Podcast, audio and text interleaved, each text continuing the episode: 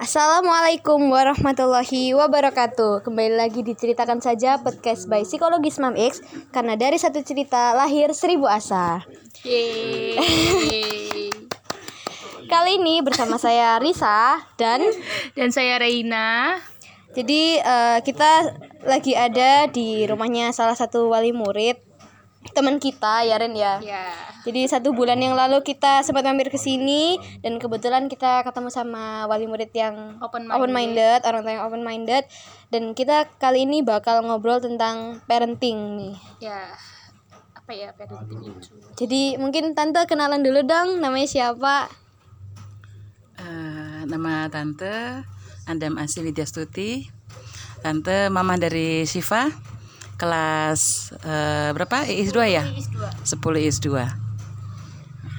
Eh, jadi teman-teman eh Shiva ini teman kita ini mungkin terlahir em, berbeda dari kebanyakan sih. Eh, eh, Risa mau tanya nih sama tante. Ketika pertama kali tahu bahwa anaknya ini atau Shiva ini terlahir spesial atau berbeda gitu ya. Respon tante pertama kali itu gimana?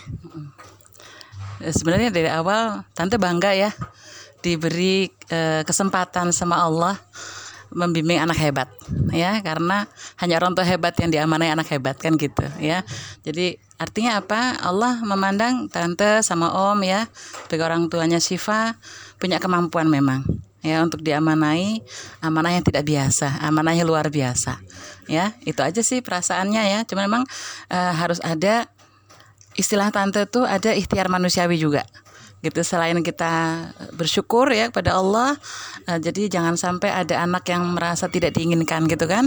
Bahwa semua anak adalah amanah semua adalah adalah anugerah ya dan anugerah yang terindah gitu ya. Jadi satu memang harus syukuri ya tante bersyukur sekali gitu ya. Kemudian yang kedua memang harus ada ikhtiar manusiawi supaya eh, apa namanya istilahnya sifat tetap bisa seperti anak-anak lain gitu ya. Jadi memang eh, dulu pertama kali saya merasa Siva ini berbeda itu ketika Siva umur 4 bulan. Jadi 4 bulan tuh udah udah udah kelihatan. Apalagi Siva kan bungsu nih, ya. eh, tante punya anak lima. Eh, Siva anak yang nomor lima nih. Gitu. Jadi udah udah lihat yang kakak-kakaknya tuh umur 4 bulan udah bisa begini, udah bisa begitu kan, udah bisa eh, bolak-balik lah ya, nggak cuma tengkurap udah bisa balik lagi dan seterusnya. Siva memang belum. Ya, terus kemudian Siva dari dari sejak lahir itu sering sakit. Jadi hampir dua minggu sekali ke dokter gitu ya. Terus kemudian akhirnya memang nggak sempat imunisasi nggak pernah sempat imunisasi. Karena setiap waktunya imunisasi dia pasti lagi sakit dokternya nggak mau nggak mau kasih imunisasi. Ya dan ternyata waktu umur tujuh bulan itu memang baru baru tante konsulkan secara eh, apa istilahnya secara apa istilahnya eh rutin kemudian secara apa namanya medis gitu ya. Waktu itu tante bawa tuh ke dokter tumbuh kembang ya dokter Mursinto. Ya eh, ada segala macam lah pemeriksaan gitu sampai akhirnya ditemukan memang ada masalah di ini absorpsinya di usus halusnya jadi emang kemampuan untuk menyerap eh, zat gizi itu kurang.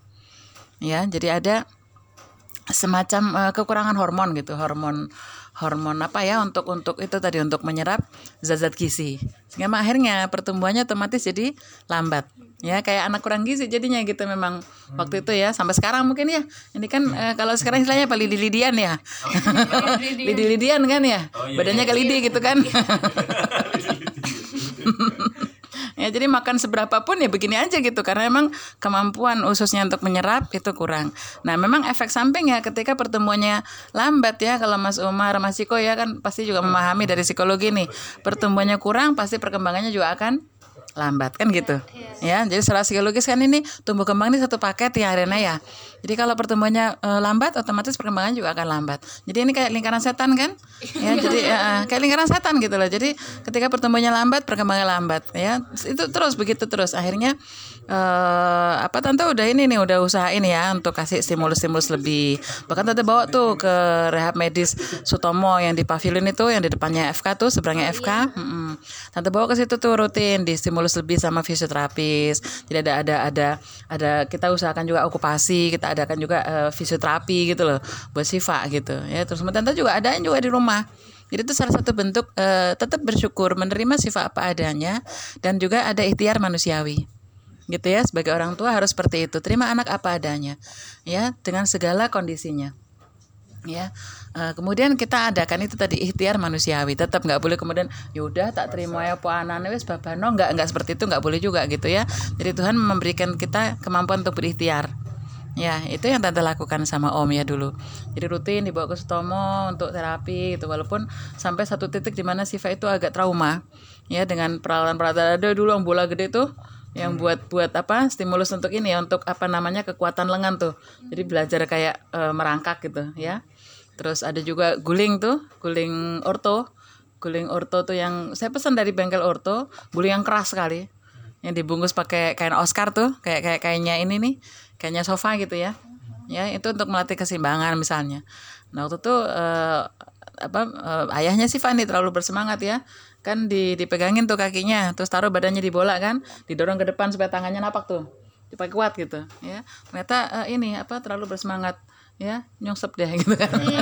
Jadi lihat bola udah udah udah trauma dia.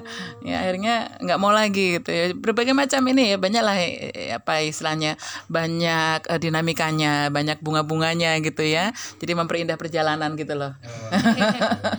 Jadi saya anggap itu bukan bukan batu sandungan tapi bunga-bunga yang memperindah perjalanan gitu ya. Sampai memang eh, ketika umur dua setengah tahun oh, udah udah tentu sekolahin tuh. Biar agak cepat juga mendapatkan stimulus gitu ya. Walaupun waktu itu masih di toddler ya bukan KB bukan playgroup belum bawahnya toddler. Ya? Mm-mm, ada. Jadi sebelum KB sebelum kelompok bermain sebelum playgroup tuh ada toddler namanya. Jadi dulu udah udah tante masukin ke toddler tuh. Jadi umur dua setengah tahun. Udah eh, udah udah tante sekolahin gitu ya. Dan tante juga selalu konsultasi dengan psikolog di sekolahnya ya eh, apa namanya eh, tante memang minta gitu untuk tolong dong ini diintervensi tolong dong ini diobservasi lebih ya apa yang bisa dilakukan buat Siva untuk mengejar teman-temannya yang lain jadi bicara dulu juga begitu bicara sampai umur tiga tahun itu masih sering terbalik-balik ya ya nak ya Ingat ya Siva ya. Jadi pintu punti misalnya gitu ya. Terus kemudian eh, monyet menot gitu ya. Eh, sungai singau gitu. Sampai kita dulu aw- awalnya masih bingung apaan ini? Waktu dia saya ajak perjalanan ke rumah eh, yang buyutnya bukan ke neneknya ya yang buyutnya. Jadi nenek saya nih neneknya tante tuh ke daerah Jawa Tengah di Banjarnegara. Itu kan di perjalanan tuh ngelewatin ada Sungai Serayu yang cukup deras ya di samping jalan tuh. Nah dia nunjuk-nunjuk, oh apa dia bilang "Eh, singau, singau gitu. Nah, saya waktu itu mikirnya singa. Dengarnya kan singa. Ah mana singa? Ah mana singa ada singa mana? Emang kadang-kadang di desa itu tuh suka ada macan turun dari gunung. Gitu. Saya pikir benar-benar singa gitu kan. Ternyata dia tunjuk-tunjuk itu loh, itu loh. Oh ya Allah, sungai, Nak, sungai. Jadi di situ saya mulai ini ya, mulai kerja sama dengan psikolog untuk memberikan apa namanya istilahnya intervensi gitu ya, perlakuan khusus supaya nggak terbalik lagi. Jadi sampai dulu eh, psikolog tuh rutin, rutin datang ke rumah dan kebetulan beliau lagi lagi nyusun tesis memang ya. Jadi tesisnya tuh mengangkat kasus-kasusnya Siva gitu waktu itu di UNER ya mapronya UNER itu beliau Bu Awalina ya sekarang beliau tugasnya di, di Madiun ya itu beliau tiap hari datang ke sini untuk membantu saya. Jadi waktu itu pakai ini pakai ada backsound gitu ya. Jadi backsoundnya misalnya saya ngejus apa gitu. Jadi ada suara blender kemudian sifat disuruh menirukan kata-kata yang mirip-mirip. Misalnya balon galon kayak gitu tuh melatih bahasa. Dan eh, dari psikolognya itu memang kemudian beliau juga konsulkan ya ke ke apa namanya eh, para psikolog di UNER gitu ya para dosen-dosen pembimbingnya. Itu memang akhirnya disimpulkan bahwa saya memang ada gangguan bahasa Gitu, Jadi kemampuan untuk menyerap bahasa kemudian untuk berkomunikasi memang di situ dia agak terganggu. Jadi itu tadi ngomong terbalik-balik suku kata. Ya, jadi pintu, punti, telepon, tolpen gitu misalnya. Jilbab itu jiblab ya, gitu ya. Jadi kalau orang yang nggak paham bingung, ini ngomong apaan enak gitu kan? Ya, jadi eh, saya berusaha untuk itu tadi eh, pintu, punti gitu misalnya ya. Pintu masih punti gitu ya. Pin pin tutu pintu punti begitu masih. Ya sampai tante juga belajar disleksia. Ini jangan-jangan anak ini disleksia gitu kan. Ternyata dari sekian indikator oh, nggak terpenuhi. Nggak bisa dong ditegakkan di disleksia. Jadi tante juga berusaha untuk eh, apa belajar ya. Berusaha untuk cari tahu ini apa ya kira-kira gejala apa kira-kira dan seterusnya. Supaya penanganannya tetap tepat gitu ya. Sampai akhirnya ketika disimpulkan bahwa ini ada gangguan bahasa ya memang itu itu hal yang paling mendasar kan bahasa itu kan membuat kita memahami semua hal ya. Ketika matematika ketemu soal cerita bahasa itu mutlak ya kan. Semua pelajaran kan bahasa ya yang menjadi penentu dia paham apa enggak. Ketika ada gangguan bahasa ya otomatis ya di akademik otomatis akan terganggu semuanya gitu ya memahami penjelasan guru juga nggak bisa sekali dua kali. Kalau anak lain sekali dua kali paham dia harus 10 kali misalnya. Ya sehingga eh, dulu memang selalu saya dampingin ya untuk belajar saya datangkan eh, guru les privat di rumah. Tapi ternyata kan nggak gampang cari yang cocok cocok metode belajarnya dengan Siva. Ada dua orang waktu itu yang saya ingat sekali ya waktu SD itu ketemu sama Bu Fibri ya Bu Febri itu ya. Cocok tuh ya lulusan dari UNESA memang dia eh, jurusannya pendidikan luar biasa. Ya ternyata Bu Fibri waktu itu sebentar saja di sini terus keterima kerja di Lamongan pindah ke Lamongan. Saya minta tolong ke ke ininya ke lembaganya lembaga bimbelnya itu untuk carikan yang sama seperti Bu Fibri nggak nggak pernah dapat sampai sekarang. Akhirnya saya minta tolong anak saya yang kakaknya nih ya yang waktu itu udah kuliah di ITS saya minta tolong kak tolong cariin dong. Barangkali temanmu yang kuliah di UNESA tolong cariin deh yang bisa nemenin sifat belajar dapat itu namanya Mas Aziz. Cocok juga metodenya. Jadi ketika cocok metode belajarnya di sekolah dia melejit. Nilainya bagus gitu ya. Jadi sama seperti anak-anak biasa tapi ketika eh, nggak ketemu dengan yang cara mm, ininya cocok ya memang nggak nggak ada progres. Jadi memang eh, sampai sekarang tante belum menemukan lagi orang yang cocok. Ya cuma dua orang itu aja. Kemudian Mas Aziznya ini eh, repot karena jadi asdos dan seterusnya gitu ya. Akhirnya berhenti juga. Dia berusaha mencarikan teman-teman yang lain yang yang yang masih longgar waktunya, tapi nggak ada yang cocok caranya. Gitu ya itu kendalanya sampai sekarang gitu ya. Jadi walaupun ketika masuk SD di SD kreatif juga kan dulu ya SD kreatif eh, Muhammadiyah 16 tuh ya saya minta eh, bisa nggak nih pakai sedo ternyata kata gurunya oh nggak bisa pakai sedo karena anaknya udah mandiri gitu ya. Jadi nggak bisa pakai sedo ini eh, saya kadang-kadang bingung apakah ini borderline apa gimana gitu kan ya. Kalau di perbatasan kan agak susah kita men- menentukan ini kan perlakuan gitu kan ya. Ya nggak Mas Umar? Eh, Mas Umar dari dari psikologi juga bukan Oh bukan, tapi ngerti ya borderline ya di perbatasan gitu ya. Jadi kan susah mau ditentu mau dianukan ABK bukan, bukan ABK juga gitu ya. Mau, di- mau dimasukkan ke anak-anak reguler juga ternyata keteteran gitu kan. Jadi memang agak susah. Jadi ini memang kasusnya khusus, ya kasusnya unik gitu loh kalau menurut saya gitu ya. Dan itu merupakan eh, apa istilahnya ya? Saya saya berpikir itu kehormatan dari Allah untuk saya gitu ya. Hanya orang-orang unik barangkali yang dikasih kasus-kasus unik kan gitu. Ya seperti sekarang Mas Siko dipertemukan dengan Siva. Ini berarti Mas Siko juga unik gitu ya. Risa juga dipertemukan Siva. Berarti Risa juga Alhamdulillah, iya. Ya, Rena Alhamdulillah. Iya, ya. Rena dipertemukan alhamdulillah. Siva berarti Rena adalah teman yang hebat. Ya Mas Arya juga ya. Ya kakak kelas yang hebat insya Allah ya. Umar juga demikian ya insya Allah ya. Iya. itu itu yang saya saya apa namanya yang saya tumbuhkan dalam diri saya sendiri ya supaya nanti bisa selalu positif. Ya karena eh, saya yakin bahwa Allah sudah menyiapkan hal yang indah untuk sifat di kemudian hari. Kan Amin, Mbak, amin. ya. ya kan belum finish Risa Rena kan masih jalan masih jauh nih perjalanannya. Aryo walaupun besok Maret ya Aryo ya. UN ya. Hmm, tapi kan perjalanan juga masih jauh. Ya Mas Umar Mas Iko juga demikian masih jauh. Kita semua belum ada yang finish sehingga kita tidak boleh eh, negatif thinking gitu ya ah anak ini nggak bakalan bisa ah, anak ini nggak bakalan sukses. Nggak boleh seperti itu. Ya karena kita nggak tahu nih nanti ke depan apa yang sudah Allah siapkan buat Siva kan gitu. Pokoknya harus positif dulu gitu ya tante ya. Nah, Eh, yang kemarin saya sampaikan juga sama Ciko ya bahwa eh, tugas kita sekarang ini adalah bagaimana bisa mengembangkan kemampuan untuk melihat eh, apa kelebihan orang lain. Itu yang sangat kurang di Kalau sekarang. kita psikologi sih gini kemarin kan sempat diskusi ya tentang ABK gitu sama Siko saya. Jadi ABK kalau yang di lingkungan luar itu kan anak berkebutuhan khusus. Tapi kalau kita dari psikologi ini anak berkemampuan khusus. Kita menafsirkannya berbeda gitu tante. Tante next question ya tante ya. ya Eh, cara dan trik yang selama ini diterapkan untuk mendidik Shiva yang tante terapkan gimana? di rumah sehari-hari gitu ada Heeh. Jadi satu contoh yang memang satu masalah Siva adalah eh, Siva itu punya eh, masalah dengan memori ya. Jadi Siva itu memorinya kan short, very very short term memory. Ya, very very short term memory, sangat jangka pendek. Sehingga tante harus banyak mengulang, berulang-ulang gitu ya. Sehingga ketika dia pulang sekolah misalnya di kendaraan sambil tante ajak ngobrol, tadi belajar apa aja, tadi main sama siapa aja, begitu tadi di kelas ngapain dan seterusnya. Itu sering saya ulang-ulang karena memang dia eh, very very short term memory. Jadi memorinya sangat-sangat jangka pendek. Jadi kalau udah udah lewat jam, lewat eh, apa namanya eh, nggak usah lah lewat hari gitu ya, lewat jam aja dia udah lupa kadang-kadang gitu loh. Ya jadi kalau nggak sangat impresi itu nggak nggak ini nggak nggak terekam dan memori. nggak nyantol gitu tante Jadi ya? harus sesuatu yang memang betul-betul berkesan. Gitu ya itu yang yang yang yang tante lakukan dia berusaha untuk itu tadi memberikan pengalaman sebanyak mungkin juga pada Siva gitu ya. Jadi dulu waktu masih TK ketika tante jemput tante tanya dulu Siva mau naik apa? Gitu mau naik bemo apa mau naik beca kayak gitu ya. Atau mau dijemput mobil kayak gitu. Eh, selalu eh, tante tanya dulu gitu. Ketika dia bilang aku mau naik bemo oke deh gitu. Jadi Siva juga eh, tante ajarin juga gitu ya naik bemo misalnya gitu ya. Biasa nggak canggung juga naik beca gitu ya. Walaupun nggak nggak apa istilahnya nggak bingung ketika eh, naik pesawat misalnya gitu ya itu nggak masalah gitu. Ya jadi semua berusaha tante kasihin ke dia pengalaman sebanyak mungkin. Ya memberikan kepada Siva sebanyak mungkin pengalaman gitu itu salah satu trik juga ya. Kemudian eh, apa namanya? Tadi ya mengulang ya banyak mengulang untuk apa memperkuat memorinya. Jadi dari dulu tuh ketika pulang dari TK misalnya dulu waktu masih TK di beca misalnya dia anak beca tante tanya tadi belajar apa? Tadi belajar nyanyinya apa? Oh lupa nyanyi tante nyanyi tuh. Semua lagu anak-anak tuh loh ya. Sampai tukang becanya kan langganan gitu kan tukang becanya nanya ibu guru TK ya? Gitu. oh bukan bukan saya mah bukan guru. Kok pinter nyanyi lagu anak-anak? Harus gitu. Jadi tante harus belajar. Itu salah satu trik tante juga ya. Tante juga harus terus terus terus belajar terus menerus belajar begitu. Ya jadi mengulang terus terus belajar ya, terus kemudian memberikan pengalaman sebanyak mungkin. Gitu ya, harus ekstra ya tante ya? Ya memang.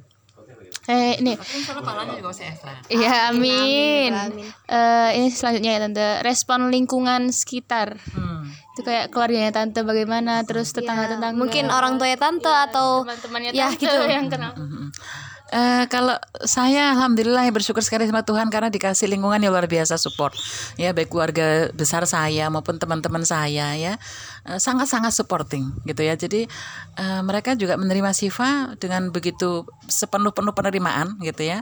Sehingga Siva juga tidak pernah merasa walaupun mungkin kalau sama sepupu yang sebaya kadang memang ada ada kendala ya karena ada ada masalah bahasa tadi sehingga sering nggak nyambung.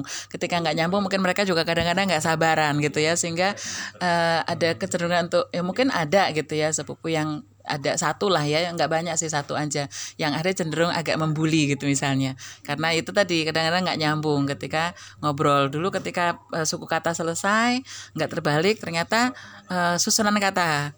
Jadi eh, DM MD gitu ya. Misalnya kira kalau orang Indonesia kan MD ya menerangkan diterangkan kan gitu kan. Subjek eh, predikat objek gitu ya. Nah, sifat tuh kadang-kadang terbalik gitu loh susunannya. Sehingga kadang-kadang menimbulkan persepsi yang berbeda. Misal satu contoh waktu di TK dulu eh, Siva itu pulang mengadu ya.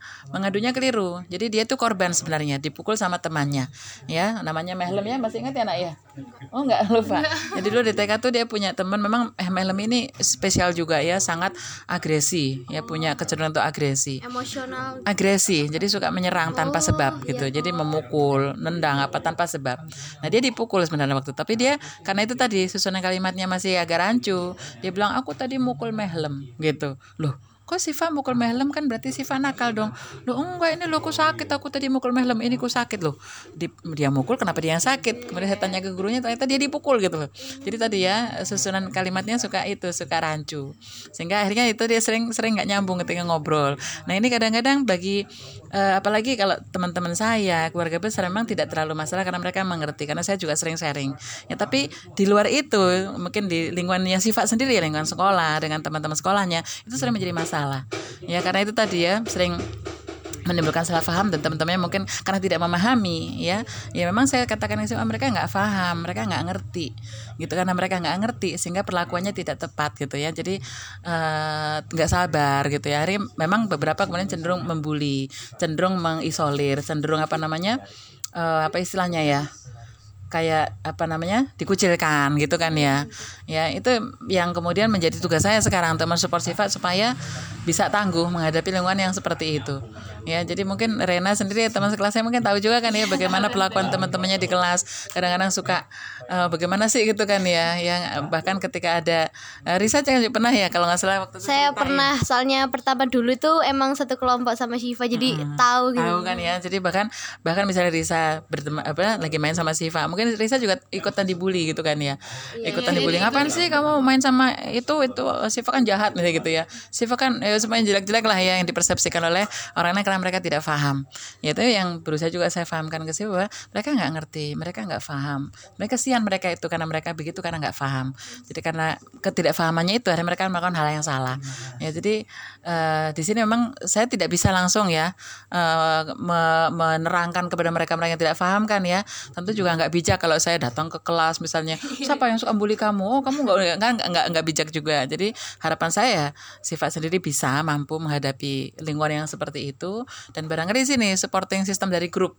Ya grupnya siapa? Ya di sini ya Rena, ya Ris, eh, apa Risa ya, mungkin ya Mas Aryo, mungkin juga siapa lagi teman-teman yang kemarin juga ada di sini ya, Oh, iya, Heeh, gitu ya. Itu ya harapan saya. Ada semacam eh, ini Risa sama Rena ya semacam eh, pendampingan teman sebaya gitu ya karena itu akan lebih efektif. Karena kalau udah remaja begini kan udah in group ya jadi omongan teman sebaya itu akan lebih didengar ketimbang omongan orang tua misalnya kan ya omongan guru bahkan gitu kan. Jadi harapannya ya kalian ini yang bisa berperan lebih apalagi kalian kan sudah paham juga ya Eh, apalagi ikutan apa nih namanya? Potensi psikologi kan ya? Eh, jadi kan eh, ada minat ke arah sana ya dan psikologi itu kan masya Allah ya satu satu apa namanya istilahnya satu bidang keilmuan yang sangat eh, mulia ya kan? Karena tugasnya memahami orang kemudian membantu orang kan begitu? Yang membantu secara psikologis gitu kan ya secara psikologis psikisnya gitu kan ya.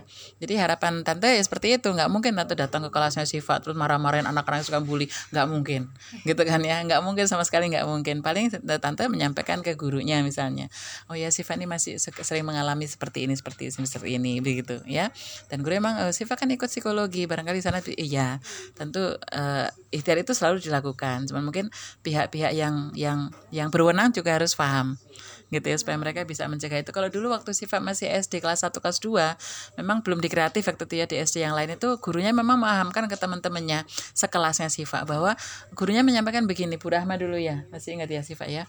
Menerangkan bahwa Siva ini berbeda ada masalah dengan otaknya sehingga tidak seperti kalian. Maka kalian harus begini begini begitu. Jadi tidak terjadi memang bullying itu karena gurunya memahamkan waktu SD kelas 1 kelas 2 ya ke teman-teman sekelasnya tentang kondisi Siva gitu Berarti alhamdulillah dapat kayak lingkungan respon apa respon lingkungannya positif. bagus positif gitu tante ya. Nah, tapi itu yang yang ini ya, yang istilahnya ring satu, ring duanya kan ya, Em, ke- keluarga tante, terus teman-teman tante. Tapi dulu itu kan ternyata ya dia harus Mungkin masih banyak yang belum belum paham tentang keadaannya Shiva sendiri. Eh, tante pernah merasa lelah atau capek gak Oh, menghadapi jangan, jangan pernah. Jadi tante selalu berusaha untuk jadikan lelah itu menjadi lillah.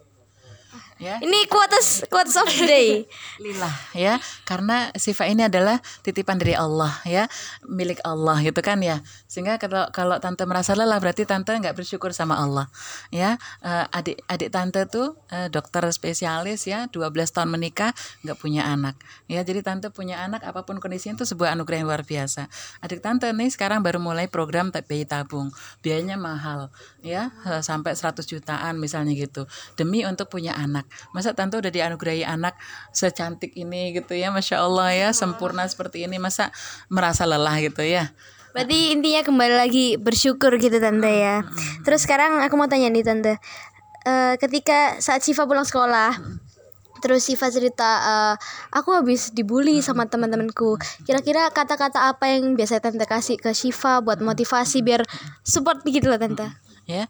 Biasanya sifat jelaskan kepada dia eh, yang bully kamu siapa? Dia penting nggak buat kamu? Gitu ya. Kalau dia nggak penting buat kamu kamu nggak akan merasa dibully. Karena apa pun yang dilakukan itu tidak bermakna.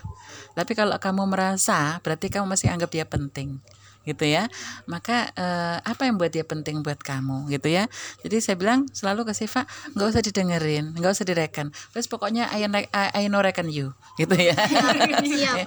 Jowo English, English Jowo gitu kan ya. Ya pokoknya eh, sifat selalu berusaha untuk tante tanamkan seperti itu. Kalau dia bukan orang yang penting, orang yang penting buat kamu itu siapa? Orang tua, saudara, sahabat-sahabat dekat kamu. Kalau sahabat dekat yang melakukan mungkin dia memang harus oh kok kok si ini kan udah paham aku kok gini? Bolehlah dia merasa baper gitu ya. Tapi kalau orang lain yang nggak terlalu deket dia bully kamu dia nggak kenal kamu yang ngapain kamu dengerin gitu ya? Ngapain kamu anggap? Ya kalau kamu masih mendengar dia bully kamu berarti kamu masih anggap dia penting gitu. Ya jadi saya kasih quote ke Siva saya kasih catatan juga ke Siva kalau kamu eh, tidak menganggap dia penting kamu tidak akan mendengar apa yang dia katakan gitu ya anggap itu angin lalu. Anggap itu angin berdesah saja gitu ya. Mm-mm, mm-mm, gitu. Terus perkembangannya tante mungkin eh, mungkin dari kecil sampai sekarang setelah mungkin dengan trik-trik tante terus dengan supporting sistem keluarga habis itu tante melihat nggak perkembangan Shiva ini gimana? Ya, tentu banyak sekali progres ya. Tante bisa membayangin kalau dulu tante tidak tidak memberikan stimulus lebih, terus tidak mendapatkan support dari keluarga. Mungkin kondisinya Siva nggak seperti sekarang. Ya masih tetap semangat untuk sekolah. Ya itu satu hal yang luar biasa dalam diri Siva itu tetap semangat. Walaupun di sekolah mungkin sering dibully, nggak dia dia misalnya eh, dia agak agak agak nggak enak badan, tante bilang udah nggak usah sekolah dulu ya istirahat di rumah. Enggak, aku mau tetap sekolah misalnya. Itu kan satu satu eh, satu bukti gitu ya bahwa memang ada progres. Ya Siva menjadi pribadi yang tangguh gitu kan ya.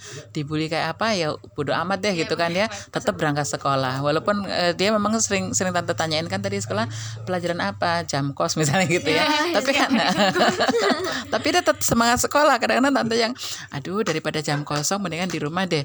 Ayo belajar di rumah baca-baca buku di rumah banyak yang belum dibaca misalnya gitu. Tapi enggak. Ya itu, itu satu satu satu keunggulannya Siva ya. Tetap belajar tetap semangat untuk sekolah tetap semangat untuk belajar apa pun kondisi yang dia terima di sekolah. Ya itu yang harus harus tante jaga juga ya. Kemudian eh, apa namanya yang tante rasain itu emang kemarin ketika eh, teman-teman ke sini ya Risa, Rena dan teman-teman ke sini tuh yang pertama bulan lalu tuh, iya. nah itu emang luar biasa sih Pak. Jadi ada eh, apa ya dia lebih ceria gitu ya merasa diterima kan? Ya eh, teman-temanku mau datang ke sini. Tuh lu- luar biasa buat sifat pengaruhnya. Jadi tante senang ketika seka- tadi eh, kemarin ya sifat bilang "Eh, teman-teman mau mau ke rumah lagi. Eh, bisa nggak? Waduh kalau pagi nggak bisa. Habis zuhur bisa gitu. Jadi saya bilang gitu. Dan eh, memang ini walaupun saya malam sekalipun ya tante tetap tunggu gitu ya. Karena bagi sifat ternyata signifikan sekali pengaruhnya ya sifat jadi lebih percaya diri sifat jadi lebih merasa apa namanya eh karena diterima gitu ya ada lingkungan yang menerima dia Karena sudah ada Ya. paham. Mm-mm, mm-mm. karena ada lingkungan yang menerima dia itu membuat dia jadi bangkit lagi gitu ya jadi eh, apa namanya eh, kalau tante tuh tidak pernah berorientasi pada hasil ya. Jadi apakah ada hasilnya? Tante nggak berorientasi pada hasil memang. Jadi tante eh, berorientasi pada usaha ya. Kita tetap harus berusaha apa pun hasilnya. Karena eh, apa namanya tadi yang saya katakan di awal ya bahwa kita belum finish. Kita belum sampai titik. Heeh, ini masih panjang perjalanan belum titik nih. Masih banyak huruf yang akan kita rangkai kan gitu. Ya sehingga masih banyak kata yang bisa tersusun ya kan? Masih banyak kalimat yang akan bisa terbaca dengan indah gitu loh. Jadi masih banyak huruf yang eh, akan terangkai masih banyak kata yang akan tersusun gitu. Yang akan menjadi kalimat yang indah insya Allah jadi ini belum titik belum titik gitu ya. Itu yang selalu, selalu tante tanamkan dalam diri tante sendiri supaya tidak pernah merasa lelah bahwa ini memang belum titik gitu ya. Tante juga katakan ke anak-anak tante jangan pernah merasa lelah sebelum kakimu menapak di surga. Itu. Amin, ya, amin. Eh, terus ini terakhir mungkin ya tante ya. Satu kata atau dua kata buat orang tua di luar mungkin yang punya anak dikaruniai dititipkan sama Allah anak hebat seperti Shiva yang mirip seperti Shiva. Itu mungkin tante bisa kasih satu dua kata yang apa ya biar bisa biar bisa memotivasi gitu loh. Kan nggak semua orang tua ini kayak tante. tante bukan motivator ya. Maksudnya kan nggak semua orang tua nggak semua orang tua bisa sok banget sih nasihatin. Merasa nggak apa-apa tante kan sharing ini sharing. iya. Kan nggak semua orang di luar bisa berpikiran mungkin berpikiran terbuka seperti tante atau supporting sistemnya nggak sekuat tante sama om gitu. Wes mungkin satu kata dua kata. Aduh, apa ya? ya, kalau yang tadi di awal tante katakan juga ya bahwa anak adalah anugerah terindah dari Tuhan, maka satu harus kita syukuri apa pun kondisinya ya. Dan insya Allah eh, ketika diberi anak hebat itu berarti Tuhan sudah memberikan kesempatan, peluang untuk beramal lebih banyak. Jadi anak itu adalah ladang amal. Anak adalah eh, apa istilahnya sarana bagi kita untuk meraih surga, gitu sih. Jadi kalau kita perlakukan dia seperti ahli surga di rumah ya, jangan kayak neraka deh rumah ini ya, insya Allah ya. Eh, Allah juga akan membalas kita dengan surga. Itu sih, gitu ya. Kayaknya emang kalau bahas parenting gini tuh menyentuh hati banget ya Ren ya. Ingin menangis rasanya Ren. boleh nanti Mas Ciko Mas Umar ya diagendakan lagi kapan ke sini lagi kumpul-kumpul yang yang yang yang Oh iya tante. longgar waktunya gitu. Jangan. Ini memang tante terus terang ya keburu-buru karena kasihan juga sama Risa kan udah ditelepon sama papanya. Ya dan enggak enggak enggak ini juga enggak enggak Masuk podcast. enggak memang natural kan ya? Apa adanya. jadi ini juga salah satu bentuk eh, care ya orang tua kepada anak yang harus kita apresiasi juga gitu loh. Kalau orang tuanya nggak pernah nelponin anak yang lama nggak pulang ini justru tante nggak setuju sama orang tua yang yang apa metode umbaran gitu ya. Anaknya, anaknya pergi diumbar aja nggak setuju juga gitu loh. tante juga kalau Siva eh, waktunya pulang belum pulang tante juga akan terus ini nanya "Eh, di mana? Kok nggak pulang kok nggak pulang pulang? Dan seterusnya gitu. Mau pulang jam berapa dan seterusnya. Ngapain aja dan seterusnya. Itu salah satu yang harus kita apresiasi sih ya sebagai orang tua yang care sama anaknya orang tua yang berarti sayang kan sama anaknya khawatir ini hujannya kayak gini. Tante juga dulu begitu kok waktu kakaknya Siva misalnya waktunya pulang kok belum pulang. Itu eh, telat lah ya. Misalnya harusnya jam 2 jam 4 baru pulang. Itu tante ketika dia buka pagar tante bilang alhamdulillah baru aja nih mau telepon pak polisi bilang anak hilang lapor anak hilang. Anak-anak bilang oh lebay deh lebay deh lo nggak gitu. Boleh dong orang tua cemas. Emang iya ya. kan. Bukti sayang gitu kan ya. Jadi eh, saya apresiasi juga. Jadi kalau ada waktu yang agak longgar alhamdulillah nanti kita bisa agendakan kapi Insya Allah tante ya. ngobrol lebih panjang lagi gitu. Banyak sebenarnya masih pengen tante sampaikan juga gitu. Ya dan Siva ini buat tante menjadi motivasi yang luar biasa. Karena Siva dulu tante kan backgroundnya akuntansi. Ya kuliahnya di akuntansi bapaknya juga kan ekonomi gitu ya. Eh, ketika lahir Siva terus kemudian empat bulan Siva kelihatan memang berbeda ya ini menjadi motivasi tante untuk belajar lagi. Jadi tante kuliah lagi.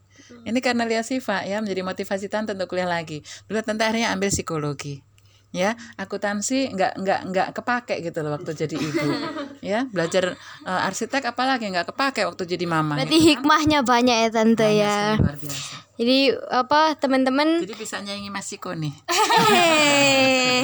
Jadi eh, apa ya teman-teman kita harus banyak-banyak bersyukur lah tante ya intinya ya apa pun keadaannya kita harus bersyukur. Alhamdulillah. dan selalu Iya. Jangan cepat mengeluh lah. iya. Dijalanin dulu. Eh, jangan merasa apa semoga lelah kita nanti menjadi lillah gitu ya tante ya. Alhamdulillah. Siva ternyata juga nyaman dengan kondisi dia ya dia Oh, memahami kondisinya dia paham betul bahwa dia punya kekurangan dia begini begini begini dan Siva sangat welcome untuk menerima masukan walaupun untuk em, merubah diri juga butuh proses itu sa- sangat sangat sangat sangat tante pahami dulu Mas Iko kan udah pesan ya untuk Siva ayo dong berubah penampilan. Jangan kayak anak kecil. Kan Siva juga selalu lapor tuh. Ya ayo berubah eh, cara pakai jilbabnya misalnya berubah cara pakai bajunya gitu ya. Ya sehingga ketika Siva kemarin jalan-jalan ke mall dia milih baju boleh nggak aku ini? Kayak anak kecil nak. Ya tante bilang gitu. Kan katanya Mas Iko suruh berubah penampilan jadi kayak anak SMA ya. em, jadi sangat-sangat welcome dengan dengan masukan-masukan itu Siva. Itu juga satu keunggulan. Anak-anak yang punya kelebihan aja belum tentu welcome dengan masukan ya berarti kayak em, nggak apa kita itu pasti punya kelebihan gitu ya tante ya. pasti semua orang punya kelebihan Nah, kita harus berlatih mengasah diri untuk bisa melihat kelebihan orang lain dan kelebihan diri sendiri gitu Itu guys, itu. Cocok. Cocok itu, tanamkan itu. Kayaknya sekian dulu gitu aja tante ya. Em, nanti Temen- bisa disambung lagi deh yes, ya insya Allah. Buat teman-teman jangan lupa stay tune di podcastnya kita ceritakan, saja. Karena dari satu cerita bisa lahir seribu asa. Saya akhiri, saya Risa Saya Reina. dan Tante dan Mama Siva deh Mama Syifa. Dari Taufik Walidaya, Walidaya. Nah ya, Wassalamualaikum warahmatullahi wabarakatuh.